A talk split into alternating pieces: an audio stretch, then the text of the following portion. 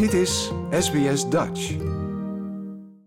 Iets wat ons eh, bindt hier als Nederlanders in het buitenland is natuurlijk ons eten. De kroketjes, de bitterballen, als we een feestje hebben, die zijn heel snel weg altijd. we missen die dingen en daarom dachten wij bij SBS Dutch, we gaan het elke maand eens over lekker Nederlands eten hebben. En daarvoor hebben we de perfecte gast gevonden. En dat is Nicole Holte, vanuit Amerika, niet in Australië, maar dat maakt helemaal niet uit, want eh, die liefhebberij voor het Nederlands eten, dat, eh, dat delen we.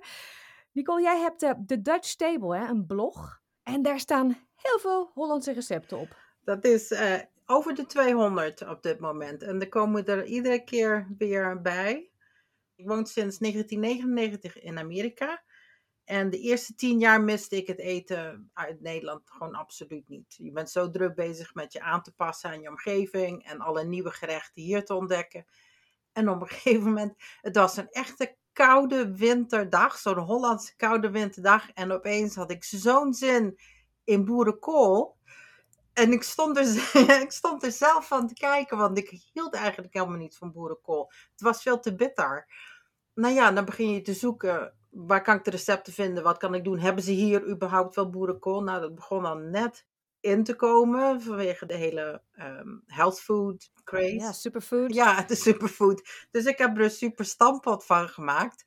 En toen ben ik eigenlijk meer voor mezelf begonnen om die recepten op te schrijven. En ook de herinneringen die ik daaraan had. Wanneer at ik het of met wie at ik het? Uh, was het een onderdeel van onze familietraditie of niet? En uh, zodoende is dat gaan groeien. En ik wilde dat niet alleen maar thuis in een boekje opschrijven. Dus voor mij, omdat ik al de hele dag met computers werkte, was het gewoon makkelijk om dat dan online te doen. En uh, er was destijds nog bijna niets over de Nederlandse keuken. Ik weet ook nog dat toen ik in het begin mijn vrienden vertelde in Nederland waar ik mee bezig was, toen moesten ze echt heel hard lachen. En toen zeiden ze van nou, dan ben je over twee weken uitgeschreven.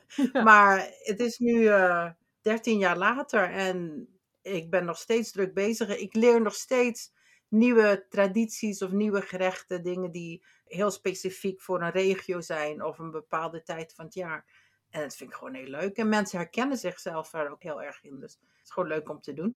Jij was goed met computers, maar koken was niet je werk dus? Nee, dat was niet mijn werk. Nee, we altijd een hobby geweest. En van thuis uit, ik kom uit een uh, Nederlands-Indisch gezin. Dus daar was eten ook altijd heel erg belangrijk. En ik heb wel destijds mijn horecapapieren gehaald, maar om echt in de keuken te gaan staan, nee, dat was nooit het plan. Nee, nee. Even naar die boerenkool terug, hè? want dat ging je dus zelf maken. Ja. Smaakte dat dan net zo lekker als waar je naar uitkeek, wat je kon herinneren? Ja, er kwamen heel veel herinneringen naar boven. Ook het, het gevoel van, uh, dat klinkt heel, heel vreemd als ik dat zeg, maar een bepaalde nostalgie ja. proefde ik erin dat vond ik wel heel erg mooi. Toen dacht ik van nou, als ik dat heb met bepaalde gerechten, en ik ben nu al tien jaar weg, dan hebben wellicht andere mensen dat ook. Er zitten zoveel herinneringen aan smaken of geuren, dat ja, als je niet terug naar huis kunt, huis dan Nederland zijn of naar je, naar je vaderland terug, dan kun je altijd nog zo je herinneringen op die manier ophalen. Of die connectie, die verbinding maken met het thuisland op die manier. Mm -hmm. Ja, ja, want ik noemde in het begin natuurlijk de bitterballen en de kroketten. Dat is natuurlijk wel een beetje plat. Want de Nederlandse keuken is inderdaad ik denk dat veel mensen hebben wat jij zegt, wat jouw vrienden zeiden. Nou, twee weken, je bent klaar. Erwtensoep, kroketten, frikandellen, nou, bitterballen. En dan houdt het wel een beetje op, hè? maar het is veel breder, toch? Ja, maar het, het, blijft breder omdat, we, omdat mensen er echt moeite voor doen om dat te behouden. Want het is heel makkelijk om natuurlijk te zeggen van nou, en dat, dat hoorde ik wel vaker van, ja, wie zit er nou te wachten op een stampotrecept? Ik denk, nou, als je ziet hoeveel mensen vroeger opgegroeid zijn met stampot, maar of niet precies weten hoe het gemaakt werd, of we dat heel lang niet meer hebben gehad, dan kan het best eens een feest der herkenning zijn. Hmm. Ja, nou wat je zei, twee weken, ik was nog lang niet klaar, ik ben nog steeds niet klaar. Maar ja, we moeten er wel natuurlijk zelf wat aan doen. Precies. We moeten het wel in ere houden. En uh, meestal als je, als je iemand uit Nederland vraagt van uh, vertel me eens wat over, je, over de Nederlandse keuken, dan zegt men toch meestal van nou ja, het is niet veel of alle recepten hebben we ergens anders vandaan gehaald. En dan denk ik dat is zo jammer, want ook als je ziet de tradities die ze dan in bepaalde provincies hebben, bijvoorbeeld de krentenweggen die je in Drenthe of in Twente brengt als er een kind geboren is, dat is zoiets moois.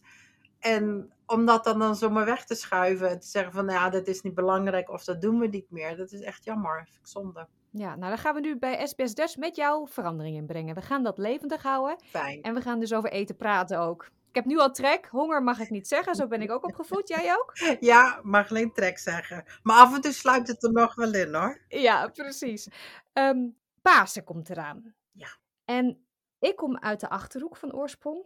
Wij hadden op zondag Palmpaasoptocht met een stok en zo'n broodje erbovenop. Zelf bakken of bij de, bij de bakker halen. Een broodhaantje. Is dat echt iets Nederlands? Ik denk dat het bepaalde eh, regio's in Nederland vieren dat nog steeds. Dat werd vroeger meer gevierd. Maar eh, vandaag de dag nog steeds. Het is inderdaad van Pasen. Dat is de laatste zondag voor het einde van de vasten. Dus dat is al een uitkijk naar het weer van alles kunnen eten. En een rijkere keuken. En dan gingen de kinderen inderdaad een beetje nabootsend de inhaal van Jezus destijds. Met een stok, met bovenop een broodhaantje of een gevlochten broodje. En die stok was dan mooi versierd met eh, mandarijntjes, met kralen, met vlaggetjes, met tekeningen. En dan ging men zo de straat op. Dan zong men ook een liedje. En ik weet niet of jij dat nog hebt gezongen. Ik denk niet. We hadden een, echt een optocht met de harmonie van voren. En Ja, dan liepen we met een optocht. En eh, wij maakten ook van die slingers. Met bijvoorbeeld die, nibbit, die nibbitringen. Weet je wat ja, ik dan bedoel? Die nibbit ja, chipjes. Die, die je om je vingers kan schrijven. Nou, dat, dat regen we aan een koordje. Of ehm, ja, ik weet eigenlijk niet wat nog meer. Volgens mij had het haantje ook altijd een eh, stukje buxus takje ja, in zijn hoofd. het broodje. En dan liepen we in optocht naar de weide. Waar we dan uiteindelijk paaseieren gingen zoeken. Maar had je dan ook het haantje op of was het alleen maar ter decoratie? Nee, thuis aten we die lekker op. Dat hoort erbij natuurlijk. Ja. ja. Ja, maar Ja. daar komt het. Ik weet niet of je dat wel eens hebt gehoord. Dus één ei is geen ei. Twee ei is een half ei. Drie ei is een paasei. En dat komt Ja. van een liedje wat men tijdens de optocht dan zong. Ja. Zo'n broodje, hè, dat kan je natuurlijk makkelijk bakken, neem ik aan. Zelf met de kinderen. Dat is inderdaad heel makkelijk. Dat is gewoon wit brood, ja. Ja. En dan een beetje vorm, vorm geven. Op de website staat een ehm paashaasje. Dat is een broodhaasje. Die omklemt een eitje. En dat is dus vooral voor het ontbijt op paaszondag.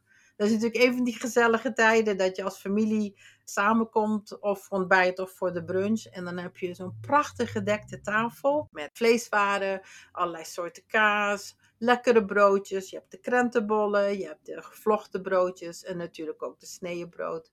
Chocomel. Roomboter. Roomboter, ja. In een zo'n lammetjesvorm. Ja. ja. Dat was altijd, ja, dat, waren, dat is altijd een mooie tijd. Om dan samen te komen en dan gezellig met elkaar het ontbijt te nuttigen. Of aan de brunch. Als je de brunch doet, dan komt er natuurlijk eh, gevulde eitjes bij. Die je met van alles kunt vullen. Of een lekkere omelet of een uitsmijter zelfs. Ja. Maar ja, eieren, hè, Pasen, dan beginnen de kippen weer te leggen. Dus dan heb je eieren voor alles. Precies. Nou is er ook paasstol, hè? Mhm. Is dat hetzelfde als kerststol eigenlijk? Dat is eigenlijk precies hetzelfde. Er zijn een paar kleine verschillen. Dus je hebt het rijke deeg, dat verrijkt is met eieren, met boter. En dan heb je natuurlijk de vulling. Het liefst een, een dikke staaf amandelspijs. En dan natuurlijk de gedroogde vruchten in het brood. Alleen het paasbrood heeft dan meestal iets van sinaasappel of citroenschilletjes erin. Zodat het iets frisser is.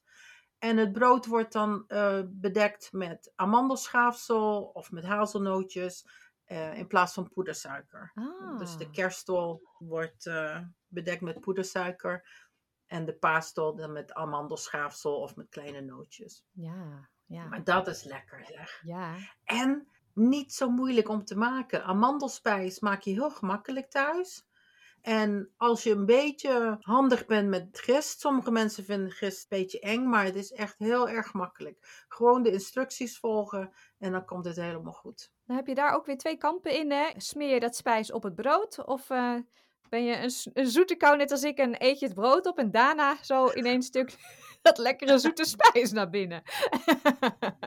Nee, ik smeer het op het brood, maar ik rooster het brood eerst, zodat de amandelspijs zacht wordt. En dan komt er eerst boter op het brood, want het is Pasen, dus het mag. En dan de amandelspijs eroverheen, want dan is die door de hitte is die lekker zacht geworden en dan is het makkelijk uit te Ah. smeren.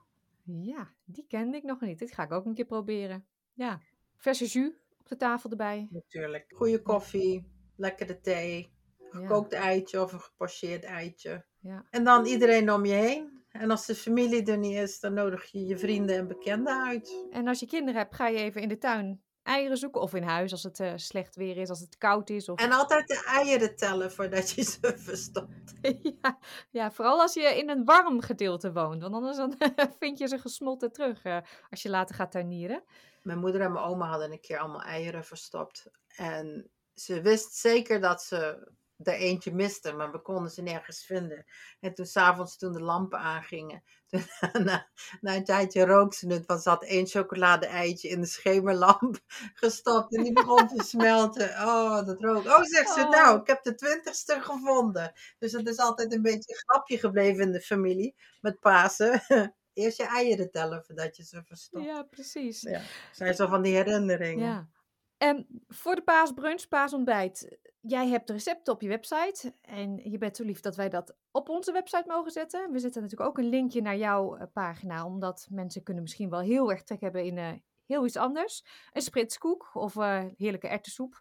Ook dat heb je allemaal op jouw blog staan. Maar daar komen we in de loop van de tijd komen we er vast wel een keertje langs.